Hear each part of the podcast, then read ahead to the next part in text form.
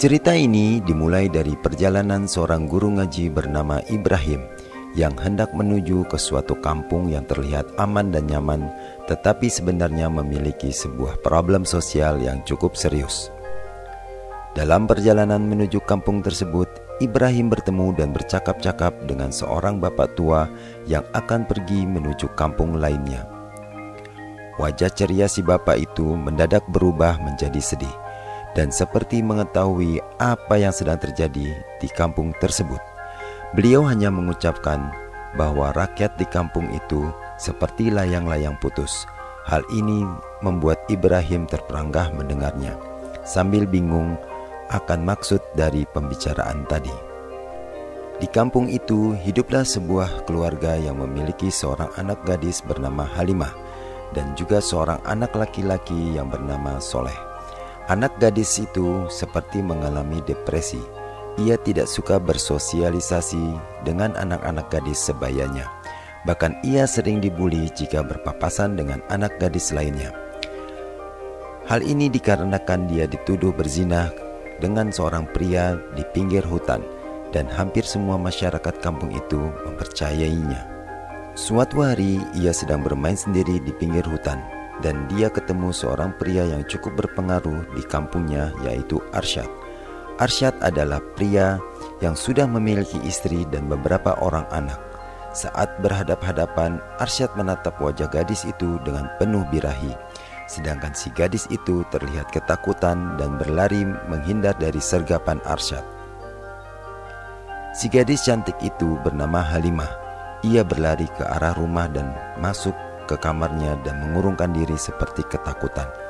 Sedangkan ayah ibunya merasa sedih akan hal tersebut. Sayangnya si gadis tidak mau bercerita apa yang terjadi sesungguhnya hingga ia ketakutan seperti itu.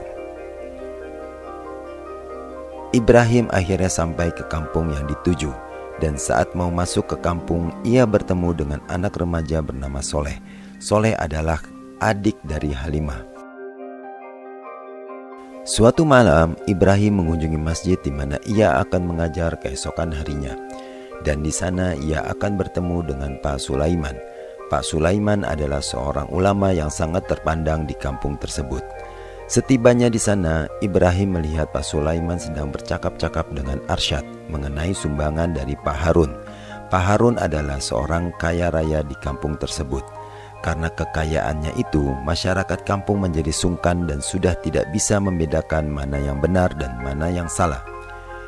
Hari terus berganti hari. Ibrahim sudah mulai mengajar agama kepada anak-anak remaja di kampung tersebut. Dan suatu ketika, di perjalanan pulang bersama Soleh, ia berpapasan dengan Arsyad yang mengendarai sepeda motor. Ibrahim diminta Soleh untuk mampir sejenak ke dalam rumahnya dan diperkenalkan kepada kedua orang tuanya. Dan Ibrahim melihat Halimah dengan tingkah laku yang aneh dan tidak seperti anak gadis kebanyakan. Ibrahim tidak mau bertanya lebih lanjut kepada kedua orang tua tersebut. Ia takut orang tua tersebut akan berjadi sedih. Sesampainya Ibrahim di rumah induk semang, ia mulai bertanya kepada Pak Samsul tentang kenapa anak gadis itu menjadi murung dan suka menyendiri. Pak Samsul menceritakan bahwa Halimah sudah difitnah oleh Arsyad kalau dia melakukan perzinahan dengan seorang laki-laki dari kampung sebelah. Karena pengaruh Arsyad cukup besar di kampung tersebut, maka banyak masyarakat kampung yang mempercayai Arsyad sebagai saksi perzinahan tersebut. Sayangnya pemuka agama sekelas Pak Sulaiman juga termakan isu tersebut Hal ini dikarenakan Pak Sulaiman sering menerima sumbangan dari bos besar Arsyad yaitu Pak Harun sebagai penjudi besar yang kaya raya di kampung itu. Kali ini di suatu siang di kedai kopi di mana banyak masyarakat berkumpul melihat kedatangan bos Harun yang terlihat bahagia karena menang besar dari arena judi. Dan ia tidak sungkan-sungkan memberikan sebagian kemenangan itu buat Pak Sulaiman dengan dalih sumbangan dan bos Harun membagikan duit kepada masyarakat yang hadir di kedai kopi tersebut. Di lain tempat, Ibrahim mampir ke rumah bos Harun untuk menanyakan sesuatu. Namun hanya istrinya saja yang ada di rumah sedangkan bos Harun masih bersenang-senang di kedai kopi. istri bos Harun terlihat naksir berat dengan Ibrahim. Dan sepertinya istri Harun jarang dibelai karena bos Harun lebih senang bercengkrama dengan asisten prianya yang bernama Ukan. Jika si istri Harun itu sedang bangkit libidonya, tidak sungkan-sungkan ia meminta asisten rumah tangganya yang wanita untuk memijat tubuhnya dan meremas-remas bagian tertentu hingga istri Harun terpuaskan. Di suatu hari, Halimah sedang mandi di sungai dan dia mau beranjak kembali ke rumah. Di tengah jalan, ia kembali berjumpa dengan Arsyad. Tanpa basa-basi lagi, Arsyad yang sudah Nabi Rong alias nafsu birahi merongrong langsung menyergap dan mau menganu-nganu Halimah yang tak berdaya. Sekonyong-konyong dari kejauhan, Ibrahim dan Soleh mendengar adanya teriakan seorang wanita dan mereka berdua menghampiri sumber suara. Dalam keadaan terdesak, Halimah berhasil mencakar pipi Arsyad hingga terluka dan Arsyad panik mendengar teriakan Ibrahim dan Soleh dari kejauhan. Arsyad langsung lari terbirit-birit meninggalkan Halimah, sedangkan Halimah juga langsung kabur kembali ke rumah. Ibrahim dan Soleh menemukan barang bukti berupa topi milik Arsyad dan juga kain milik Halimah dan mereka bisa menjadi saksi apa yang terjadi saat Arsyad dengan Halimah. Di malam harinya, warga kampung berkumpul bersama Bos Harun dan Pak Sulaiman – di mana mereka menerima laporan bahwa Halimah sudah menyerang Arsyad hingga pipinya terluka seperti orang gila dan Arsyad berhasil meyakinkan masyarakat yang hadir agar Halimah dipasung karena Halimah bisa membahayakan orang lain. Sebenarnya Pak Sulaiman bisa saja mencegah pemasungan itu, namun apa daya Pak Sulaiman sebagai ulama setempat tidak bisa mencegah karena sudah banyak menerima bantuan dari bos Harun. Malam itu juga masyarakat kampung yang hadir langsung menuju rumah Halimah dan membawa Halimah ke tempat pengasingan untuk dipasung. Ibrahim tidak tinggal diam, namun argumennya tidak ditanggapi oleh masyarakat kampung yang sudah menerima bantuan dari bos Harun dan Arsyad dan akhirnya Halimah dipasung. Ya Allah, kasihan ya. Oke, kita lanjut lagi. Lama-kelamaan, Arsyad melihat gelagat Ibrahim yang berusaha meyakinkan masyarakat kampung bahwa Halimah tidak bersalah dan Arsyadlah yang menyerang Halimah dan mau nganu-nganu secara paksa. Arsyad berniat membunuh Ibrahim dengan menyuruh anak buahnya menabrak Ibrahim dari belakang dengan sepeda motor. Namun apa daya, usahanya sia-sia. Ibrahim bisa mengelak. Setelah kejadian itu, Ibrahim dipanggil oleh istri bos Harun, di mana dia dan ibu-ibu di kampung akan mengadakan pengajian, dan Ibrahim diundang untuk memberikan tausiah. Sebenarnya ini adalah akal-akalan istri Harun saja. Terbukti sampai di sana tidak ada ibu-ibu pengajian, hanya istri Harun saja yang ada di rumah. Ternyata ia ingin menjebak Ibrahim agar bisa nganu-nganu di rumah. Melihat situasi demikian, Ibrahim menolak dengan halus ajakan istri Harun untuk masuk ke rumah dan dia pamit untuk pulang. Ternyata pertemuan itu dilihat oleh Harun dan ia langsung menghardik istrinya. Tapi istrinya malah membalik mencela si Harun dengan perkataan, Silahkan, kamu bercengkrama dengan asistenmu yang cowok itu. Wow, LGBT juga nih Pak Harun. Plak, langsung Pak Harun menampar pipi sebelah kiri sang istri. Sepandai-pandainya tupai melompat, akhirnya terjatuh juga. Arsyad kena batunya. Nah, rasain deh. Suatu ketika dia ingin memperkosa gadis lain di tepi hutan. Namun, ada masyarakat lain yang melihat dengan jelas kejadian itu dan masyarakat kampung mengejar Arsyad hingga sampai ke rumahnya. Malang akhirnya diraih Arsyad meninggal terjatuh dari motor hingga kepalanya pecah dan akhirnya kunci pasung Halimah diserahkan kepada Ibrahim dan tanpa menunggu waktu lama Ibrahim dan Soleh menuju ke tempat pengasingan Halimah dan membebaskannya. Hore! Di lain tempat, istri Harun berfantasi dengan Ibrahim melakukan masturbasi sendiri di kamarnya sedangkan Bos Harun sedang bermesra-mesraan dengan asisten pribadinya yang cowok di tempat terpisah. karena sudah nabirong alias nafsu birahi merongrong, keesokan harinya istri Harun menjumpai Ibrahim dan tanpa basa-basi lagi istri Harun memeluk Ibrahim dan ia minta dicumbu. Ibrahim jelas menolak, namun istri Harun mengancam akan berteriak memanggil masyarakat bahwa ia akan diperkosa Ibrahim. Dalam keadaan yang serba rumit itu, akhirnya Ibrahim mencoba lari meninggalkan istri Harun. Sedangkan istri Harun juga berlari ke arah yang berbeda sambil berteriak meminta tolong bahwa ia akan diperkosa oleh Ibrahim.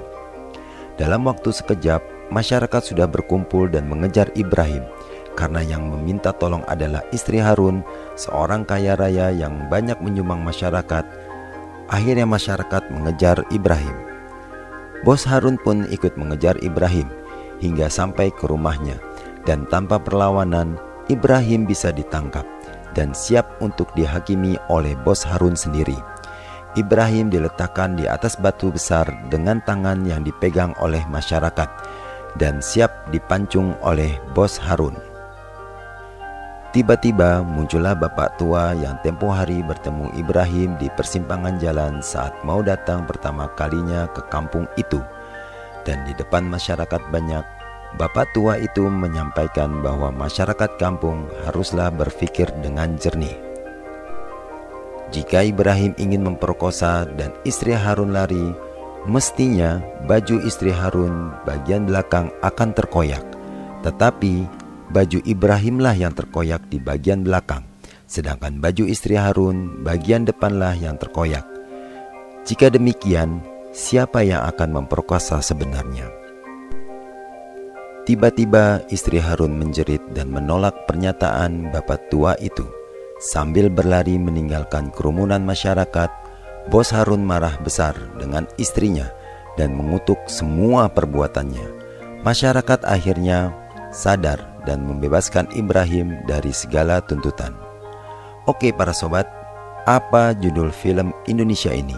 Silakan isi di kolom komentar dan tunggu 10 detik setelah ini akan ada jawabannya. Selamat menebak.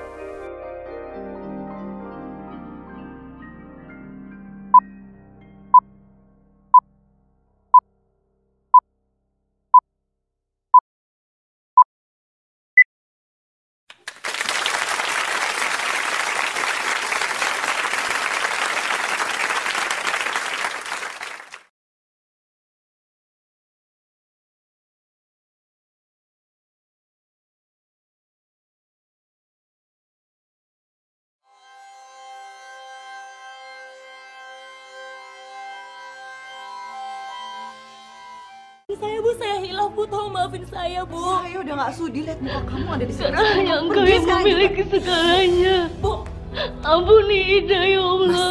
kamu harus tahu. Ampuni Tito itu putriku tahu ya Allah. rahasia kita. Dan dia mengancam aku akan memberi Kan aku udah kamu. jelaskan kalau aku hilaf ke masa baru sekali kan hilaf. bahaya kalau dia kamu bisa langsung usir aku kayak gini kita. aja. Iya kan? Hilaf.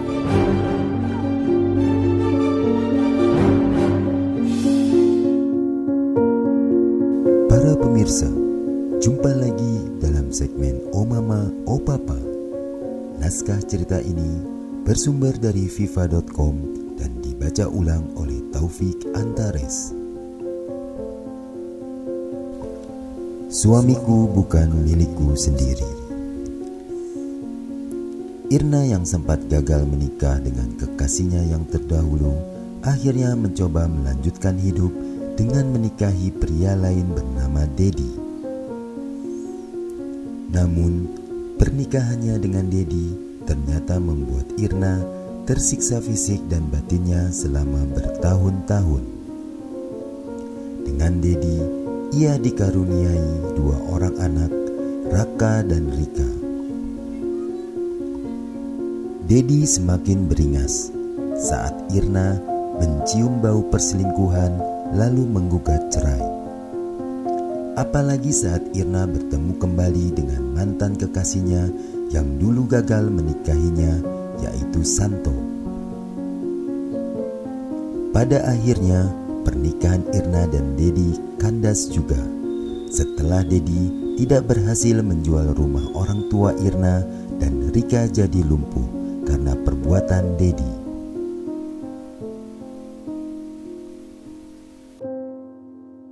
Santo hadir bak pahlawan yang membantu Irna menyelesaikan semua permasalahan hidupnya.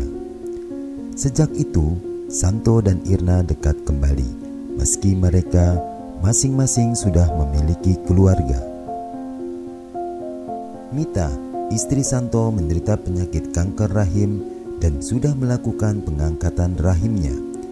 Tapi ia menerima kehadiran Irna sebagai istri kedua dari Santo. Pernikahan Santo dan Irna ditentang keras oleh anak-anak Santo dari pernikahannya dengan Mita.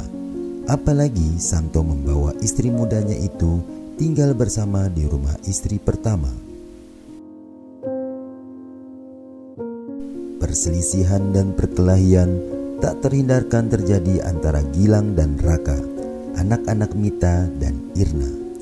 Bahkan, Winnie kerap mengintimidasi Irna yang berujung pada kehancuran hubungan antara ayah dan anak. Santo yang sering membela Irna menjadi musuh bagi anak-anaknya sendiri. Bahkan Gilang sempat diusir oleh Santo, dan kemudian Irna meminta Santo memperbaiki hubungannya dengan Gilang.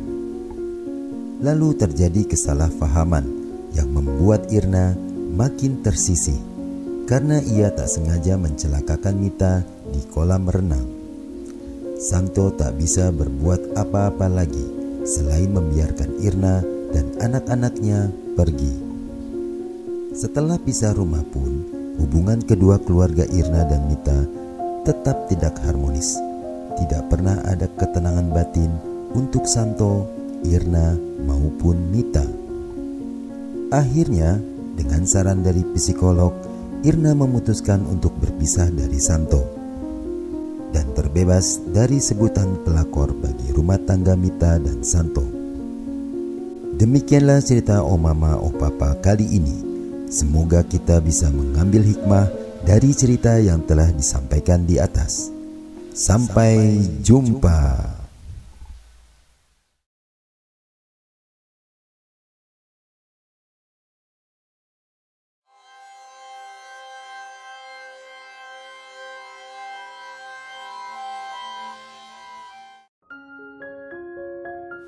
Kisah cerita romantis yang nyeleneh ini dibuka dengan adegan seorang wanita cantik bernama Pur yang sedang menelpon dengan seorang wanita cantik lain bernama Jane. Hubungan mereka tidaklah sekedar pertemanan biasa antara wanita dengan wanita lainnya. Hubungan mereka sudah sangat jauh dan jauh sekali. Mereka saling mencintai satu sama lain. Pur mengajak Jane untuk hadir saat makan siang di suatu restoran dan bertemu dengan ibunya. Namun pertemuan itu bukanlah pertemuan biasa. Pur ingin mengungkapkan rasa cinta mereka kepada sang ibu. Dengan senang hati, Jane menyanggupi pertemuan itu dan berharap hubungannya dengan Pur mendapat restu dari sang ibu. Hari yang ditunggu telah tiba. Pur sudah berada di sebuah restoran bersama sang ibu dan Jane datang untuk berkenalan. Saat akan memulai santap siang, tiba-tiba telepon berdering. Sang ibu mengangkat telepon. Sepertinya dari kawan baiknya, ia akan menjodohkan anak-anak mereka satu sama lain. Ini mau dijodohkan dengan cowok ya. Pur sangat terkejut, namun Pur memotong pembicaraan sang ibu dan langsung mengungkapkan perasaan mereka yang sesungguhnya, yaitu mereka sudah saling mencintai dan ingin hidup bersama. Sang ibu diam seribu bahasa. Namun beberapa saat sang ibu mencoba mencairkan keadaan dengan mengajak mereka untuk segera menyantap hidangan sebelum dingin. Setelah pertemuan di restoran tersebut, Jen nampak kecewa akan sikap sang ibu dan berjalan cepat meninggalkan restoran. Pur segera menyusul dan meminta maaf atas pernyataan sang ibunya tadi dan ia berjanji untuk memberikan penjelasan yang lebih detail dan sekaligus merayu sang ibu untuk menerima semua keadaan ini.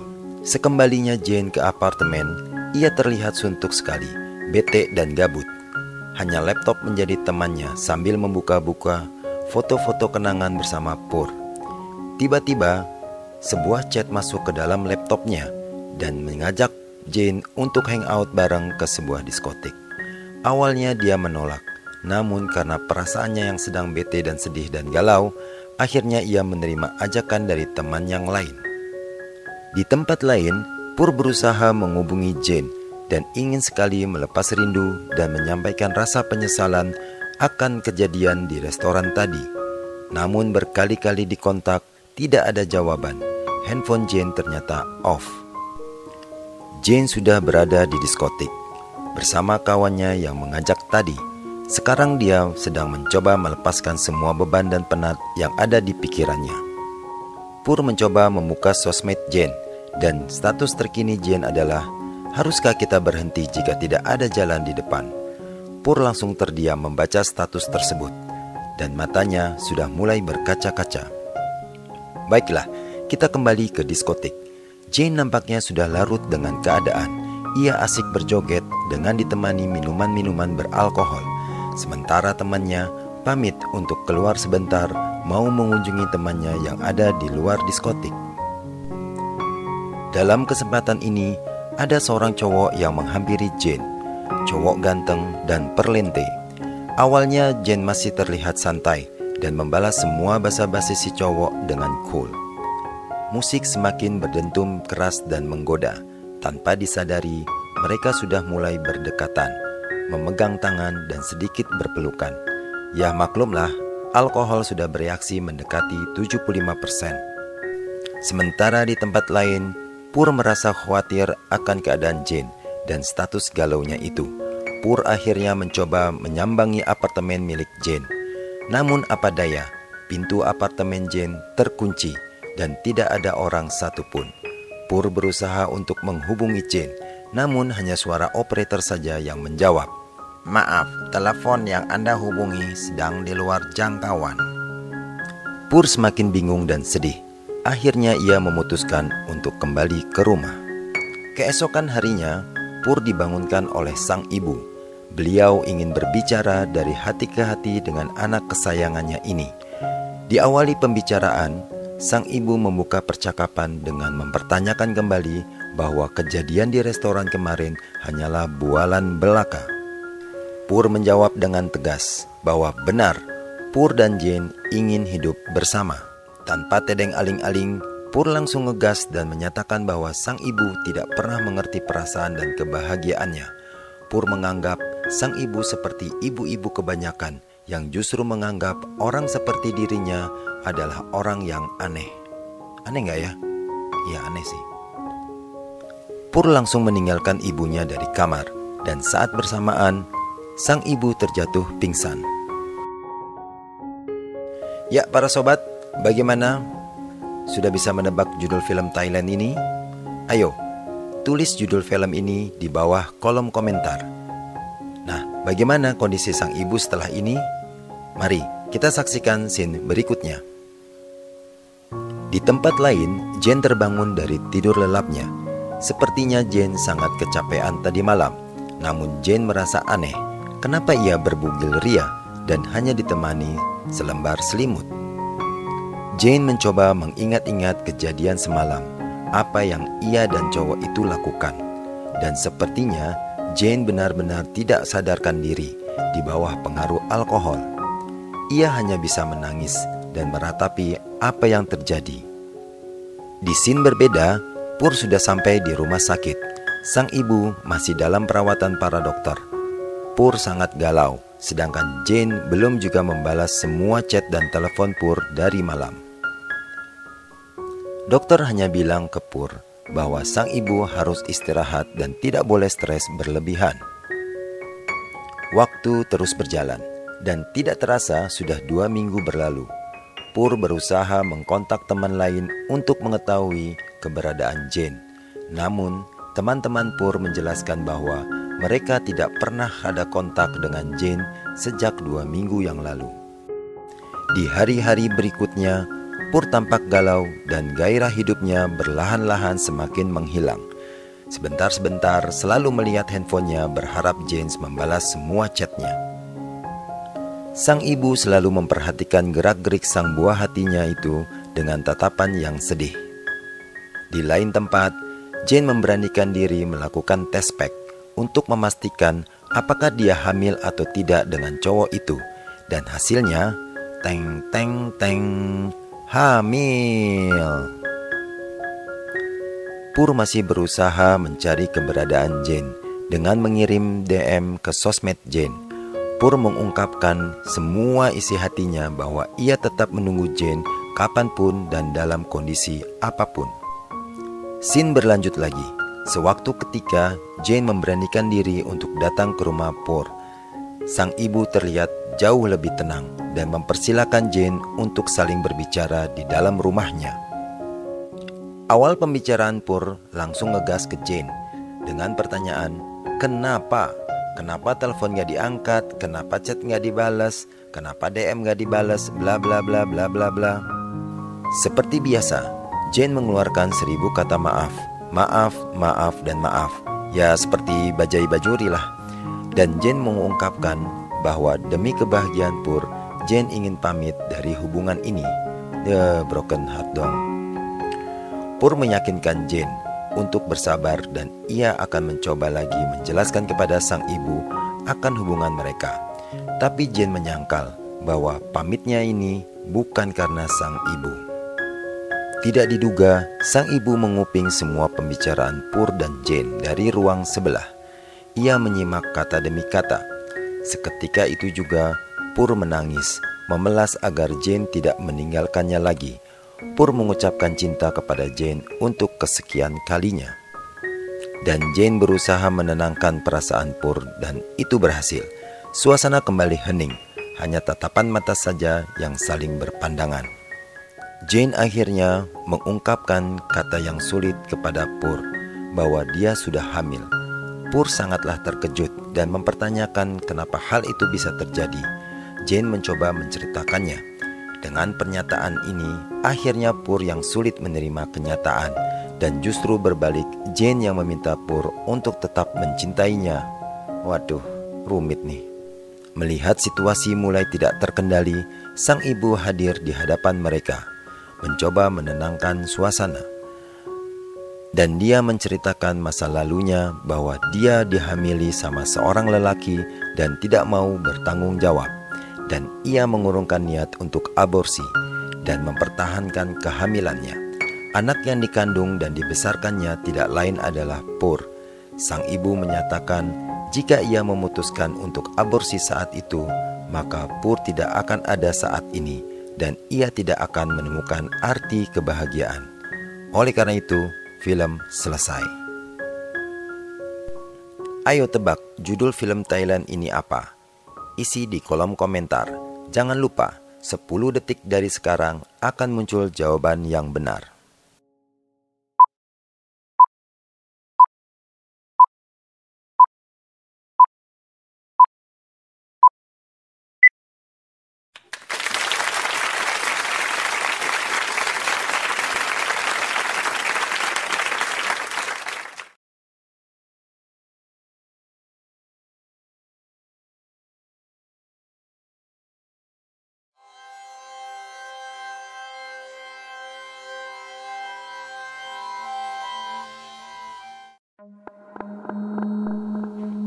Malam sudah terasa dingin, angin semilir menerpa sudut-sudut kota.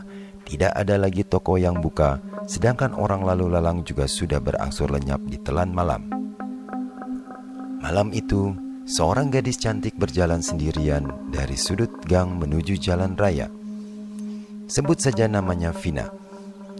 Vina adalah seorang karyawati di sebuah perusahaan swasta di mana ia baru saja kerja lembur hingga dini hari. Sudah tidak tampak kendaraan umum yang lewat, hanya beberapa kendaraan pribadi dan taksi yang masih tampak. Vina memutuskan untuk pulang menggunakan taksi, namun sudah hampir setengah jam ia menunggu taksi belum juga tiba. Sudah tampak kegelisahan di wajah Vina. Tak beberapa lama, sebuah taksi putih menghampirinya. Supir taksi itu menawarkan tumpangan kepada Vina. Vina awalnya acuh akan ajakan sang supir, Hal ini dikarenakan ia kurang yakin dengan taksi tersebut. Taksi tersebut bukan berasal dari brand yang terkenal. Sang supir tidak patah arang. Ia meyakinkan bahwa malam ini sudah sangat sulit mencari taksi lain dan ia menjamin akan mengantarkannya sampai ke rumah.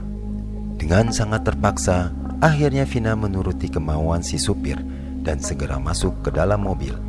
Dalam perjalanan, mata sang supir jelalatan melihat spion ke arah Vina. Vina yang saat itu menggunakan rok menjadi risih dan Vina merapatkan selangkangannya. Sang supir tidak hanya jelalatan, sepanjang jalan ia menceritakan hal-hal yang mengerikan seperti pemerkosaan, penculikan, perampokan, dan bahkan pembunuhan. Wajah Vina sudah mulai gelisah dan menoleh ke kiri ke kanan untuk melihat situasi. Vina sudah mulai curiga di mana sang supir mengarahkan kendaraan tidak ke jalan besar. Ia berdalih kalau jalan besar sedang ditutup dan ini adalah jalan alternatif yang paling cepat menuju rumah Vina.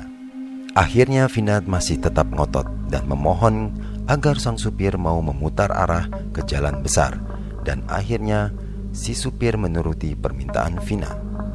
Di persimpangan jalan, mobil taksi itu berhenti dikarenakan ada lampu merah. Namun, wajah sang supir terlihat malah cemas dan akan kejadian ini dan dia menoleh ke kiri ke kanan seperti ketakutan akan ada sesuatu yang akan terjadi. Benar saja, tiba-tiba dua orang pria yang satu bertubuh besar dan yang satu berperawakan sedang menghampiri dan menggebrak pintu mobil taksi tersebut. Sang supir membuka kaca dan ternyata ia mengenali dua pria tersebut. Sepertinya kedua orang tersebut di bawah pengaruh alkohol. Terbukti orang yang bertubuh besar itu membawa sebuah botol minuman keras. Alvis adalah nama pria yang bertubuh sedang ia mencoba memperkenalkan sang supir kepada Bang Jack, pria yang bertubuh besar. Mereka bertiga terlihat langsung akrab dan saling bercanda dengan nada kasar. Sang supir malah salah tingkah dan ketakutan di mana ia sedang membawa penumpang. Alvis melihat ke bangku belakang dan memanggil Bang Jack bahwa ada wanita cantik menjadi penumpangnya. Dengan sangat cekatan, Alvis dan Bang Jack sudah berada di kursi bagian belakang sambil mengapit Vina Vina berusaha berontak dan keluar dari mobil. Namun apa daya, tenaga besar Alvis dan Bang Jack bisa menahan tubuh seksi Vina untuk tetap di dalam mobil. Vina sudah mulai ketakutan sangat dan Alvis memprovokasi Bang Jack untuk memberikan minuman tersebut kepada Vina. Vina sulit menolak karena kedua tangan Vina dipegang erat-erat oleh kedua orang tersebut. Sang supir memohon kepada kedua temannya itu untuk melepaskan Vina. Namun, Gertakan Alvis jauh lebih kuat membuat sang supir menjadi terdiam. Mobil terus melaju, entah ke mana, karena sang supir sudah dalam ancaman kedua orang bangsat itu. Bang Jack semakin menggila. Ia mencoba memasukkan botol ke dalam selangkangan Vina. Tentu, Vina menjerit dan berusaha untuk berontak. Nah, kita stop dulu ceritanya. Apakah kalian sudah tahu judul film Indonesia tersebut? Silakan tulis judul film ini di kolom komentar. Dan bagi kalian yang belum subscribe, mohon jangan malu-malu untuk mengklik tombolnya. Oke, kita lanjut lagi ke scene berikutnya. Tiba-tiba mobil berhenti di persimpangan karena terkena lampu merah lagi, lagi-lagi lampu merah. Dan ada sebuah sepeda motor yang berhenti pula di samping taksi tersebut. Vina berusaha untuk menarik perhatian si pengendara motor tersebut dengan memajukan mukanya ke dekat kaca jendela. Malang benar nasib Vina. Walaupun sang pengendara motor sepertinya mau merespon pergerakan Vina di dalam mobil, namun Bang Jack meminta sang supir untuk tancap gas dan akhirnya taksi itu berlalu. Alvis dan Bang Jack marah besar. Ia ingin menampar muka Vina, namun entah dari mana datangnya, Tiba-tiba, Vina seperti kemasukan setan dan memiliki tenaga yang sangat besar untuk menahan tangan Bang Jack dan memelintirnya hingga patah. Tidak cukup sampai di situ. Dengan sangat buas, Vina mencakar-cakar perut Bang Jack hingga ususnya terburai. Ih, serem juga ya. Oke, Vina belum puas juga. Ia menggigit leher dan mencapik-capik tubuh Bang Jack hingga berlumuran darah. Suasana dalam taksi sangat mencekam Sang supir sangat ketakutan dan ia masih melarikan mobil taksi itu ke arah yang tidak jelas. Sedangkan Alvis mencoba menusuk pisau ke punggung Vina. Namun hal itu tidak membuat Vina memberhentikan aksinya hingga Bang Jack tewas di tempat. Kini Vina mengarahkan pandangannya ke Alvis dan tanpa basa-basi lagi, Vina menghabisi Alvis seperti Vina menewaskan Bang Jack. Beberapa saat setelah si bangsat-bangsat itu mati, Vina mulai tersadarkan kembali, seperti sebelum kejadian ini, dan ia meminta sang supir untuk memberhentikan mobil sekarang juga. Sang supir terlihat sangat ketakutan. Ia merasa akan dibunuh juga oleh Vina. Namun, dugaan itu salah. Vina malah memberikan uang sebagai tanda jasa telah mengantarkan Vina sampai di rumah dan Vina langsung keluar dari mobil tersebut. Sang supir menoleh ke kursi belakang melihat kondisi kedua temannya itu dan akhirnya sang supir stres berat lalu menjerit histeris dan film pun selesai. Ayo, tuliskan di kolom komentar apa judul film Indonesia tersebut serta jangan lupa 10 detik dari sekarang akan keluar jawaban yang paling benar.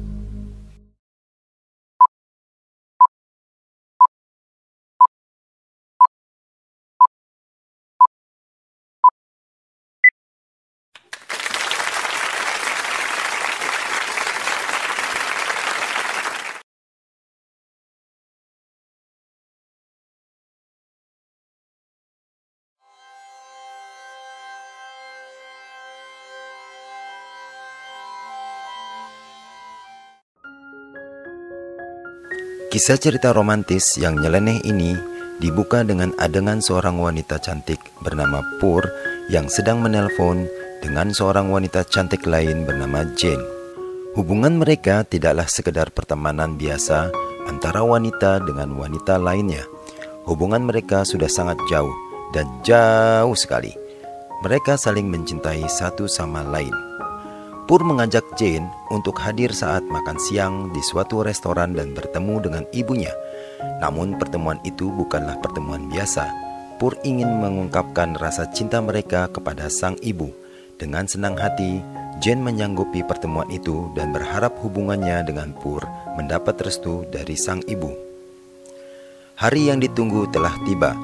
Pur sudah berada di sebuah restoran bersama sang ibu dan Jane datang untuk berkenalan. Saat akan memulai santap siang, tiba-tiba telepon berdering. Sang ibu mengangkat telepon.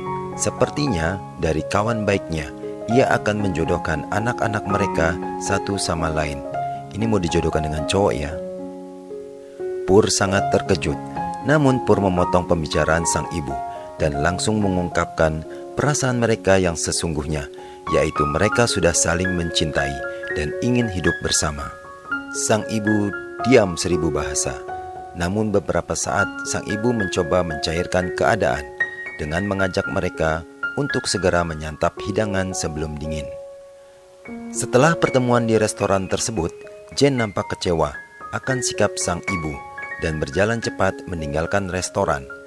Pur segera menyusul dan meminta maaf atas pernyataan sang ibunya tadi dan ia berjanji untuk memberikan penjelasan yang lebih detail dan sekaligus merayu sang ibu untuk menerima semua keadaan ini. Sekembalinya Jane ke apartemen, ia terlihat suntuk sekali, bete dan gabut. Hanya laptop menjadi temannya sambil membuka-buka foto-foto kenangan bersama Pur. Tiba-tiba, sebuah chat masuk ke dalam laptopnya dan mengajak Jane untuk hangout bareng ke sebuah diskotik. Awalnya dia menolak, namun karena perasaannya yang sedang bete dan sedih dan galau, akhirnya ia menerima ajakan dari teman yang lain. Di tempat lain, Pur berusaha menghubungi Jane dan ingin sekali melepas rindu dan menyampaikan rasa penyesalan akan kejadian di restoran tadi. Namun berkali-kali dikontak, tidak ada jawaban. Handphone Jane ternyata off.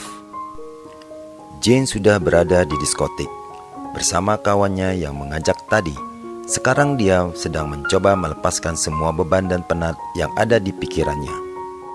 Pur mencoba membuka sosmed Jane dan status terkini Jane adalah Haruskah kita berhenti jika tidak ada jalan di depan? Pur langsung terdiam membaca status tersebut dan matanya sudah mulai berkaca-kaca. Baiklah, kita kembali ke diskotik. Jane nampaknya sudah larut dengan keadaan. Ia asik berjoget dengan ditemani minuman-minuman beralkohol. Sementara temannya, pamit untuk keluar sebentar mau mengunjungi temannya yang ada di luar diskotik. Dalam kesempatan ini, ada seorang cowok yang menghampiri Jane. Cowok ganteng dan perlente. Awalnya Jane masih terlihat santai dan membalas semua basa-basi si cowok dengan cool. Musik semakin berdentum keras dan menggoda. Tanpa disadari, mereka sudah mulai berdekatan, memegang tangan dan sedikit berpelukan. Ya maklumlah, alkohol sudah bereaksi mendekati 75%. Sementara di tempat lain, Pur merasa khawatir akan keadaan Jane dan status galaunya itu. Pur akhirnya mencoba menyambangi apartemen milik Jane. Namun apa daya, pintu apartemen Jane terkunci dan tidak ada orang satupun. Pur berusaha untuk menghubungi Jane, namun hanya suara operator saja yang menjawab. Maaf, telepon yang Anda hubungi sedang di luar jangkauan. Pur semakin bingung dan sedih. Akhirnya ia memutuskan untuk kembali ke rumah. Keesokan harinya, Pur dibangunkan oleh sang ibu. Beliau ingin berbicara dari hati ke hati dengan anak kesayangannya ini. Diawali pembicaraan, sang ibu membuka percakapan dengan mempertanyakan kembali bahwa kejadian di restoran kemarin hanyalah bualan belaka. Pur menjawab dengan tegas bahwa benar Pur dan Jane ingin hidup bersama. Tanpa tedeng aling-aling, Pur langsung ngegas dan menyatakan bahwa sang ibu tidak pernah mengerti perasaan dan kebahagiaannya. Pur menganggap sang ibu seperti ibu-ibu kebanyakan yang justru menganggap orang seperti dirinya adalah orang yang aneh. Aneh nggak ya? Ya aneh sih. Pur langsung meninggalkan ibunya dari kamar dan saat bersamaan sang ibu terjatuh pingsan. Ya para sobat, Bagaimana? Sudah bisa menebak judul film Thailand ini? Ayo, tulis judul film ini di bawah kolom komentar. Nah, bagaimana kondisi sang ibu setelah ini? Mari kita saksikan scene berikutnya. Di tempat lain, Jane terbangun dari tidur lelapnya. Sepertinya Jane sangat kecapean tadi malam. Namun Jane merasa aneh. Kenapa ia berbugil ria dan hanya ditemani selembar selimut? Jane mencoba mengingat-ingat kejadian semalam, apa yang ia dan cowok itu lakukan. Dan sepertinya Jane benar-benar tidak sadarkan diri di bawah pengaruh alkohol. Ia hanya bisa menangis dan meratapi apa yang terjadi. Di scene berbeda, Pur sudah sampai di rumah sakit. Sang ibu masih dalam perawatan para dokter. Pur sangat galau, sedangkan Jane belum juga membalas semua chat dan telepon Pur dari malam. Dokter hanya bilang ke Pur bahwa sang ibu harus istirahat dan tidak boleh stres berlebihan. Waktu terus berjalan dan tidak terasa sudah dua minggu berlalu. Pur berusaha mengkontak teman lain untuk mengetahui keberadaan Jane. Namun, teman-teman Pur menjelaskan bahwa mereka tidak pernah ada kontak dengan Jane sejak dua minggu yang lalu. Di hari-hari berikutnya, Pur tampak galau dan gairah hidupnya berlahan-lahan semakin menghilang. Sebentar-sebentar selalu melihat handphonenya berharap James membalas semua chatnya. Sang ibu selalu memperhatikan gerak-gerik sang buah hatinya itu dengan tatapan yang sedih. Di lain tempat, Jane memberanikan diri melakukan tes pack untuk memastikan apakah dia hamil atau tidak dengan cowok itu. Dan hasilnya, teng teng teng, hamil. Pur masih berusaha mencari keberadaan Jane dengan mengirim DM ke sosmed Jane. Pur mengungkapkan semua isi hatinya bahwa ia tetap menunggu Jane kapan pun dan dalam kondisi apa pun. Sin berlanjut lagi.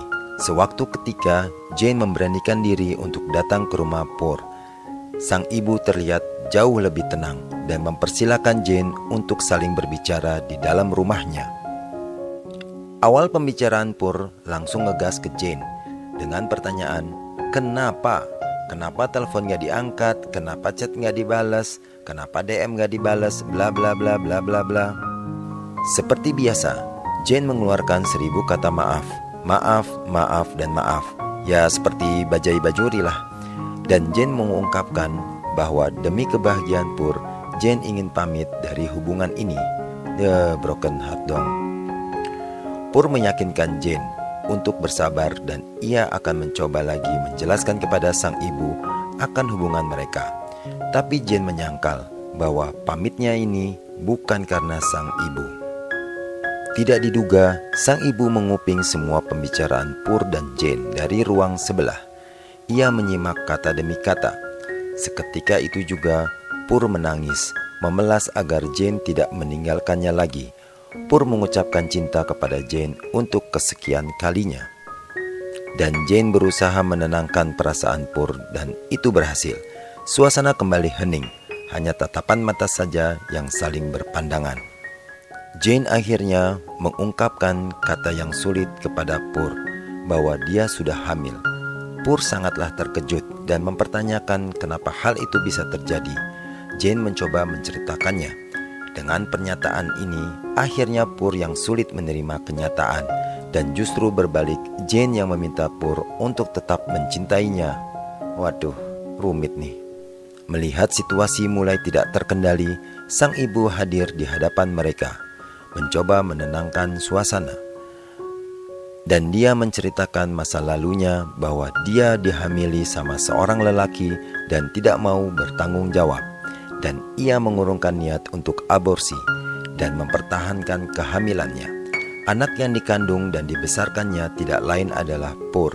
Sang ibu menyatakan jika ia memutuskan untuk aborsi saat itu, maka Pur tidak akan ada saat ini dan ia tidak akan menemukan arti kebahagiaan.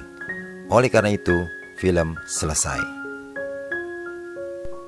Ayo tebak judul film Thailand ini apa? Isi di kolom komentar.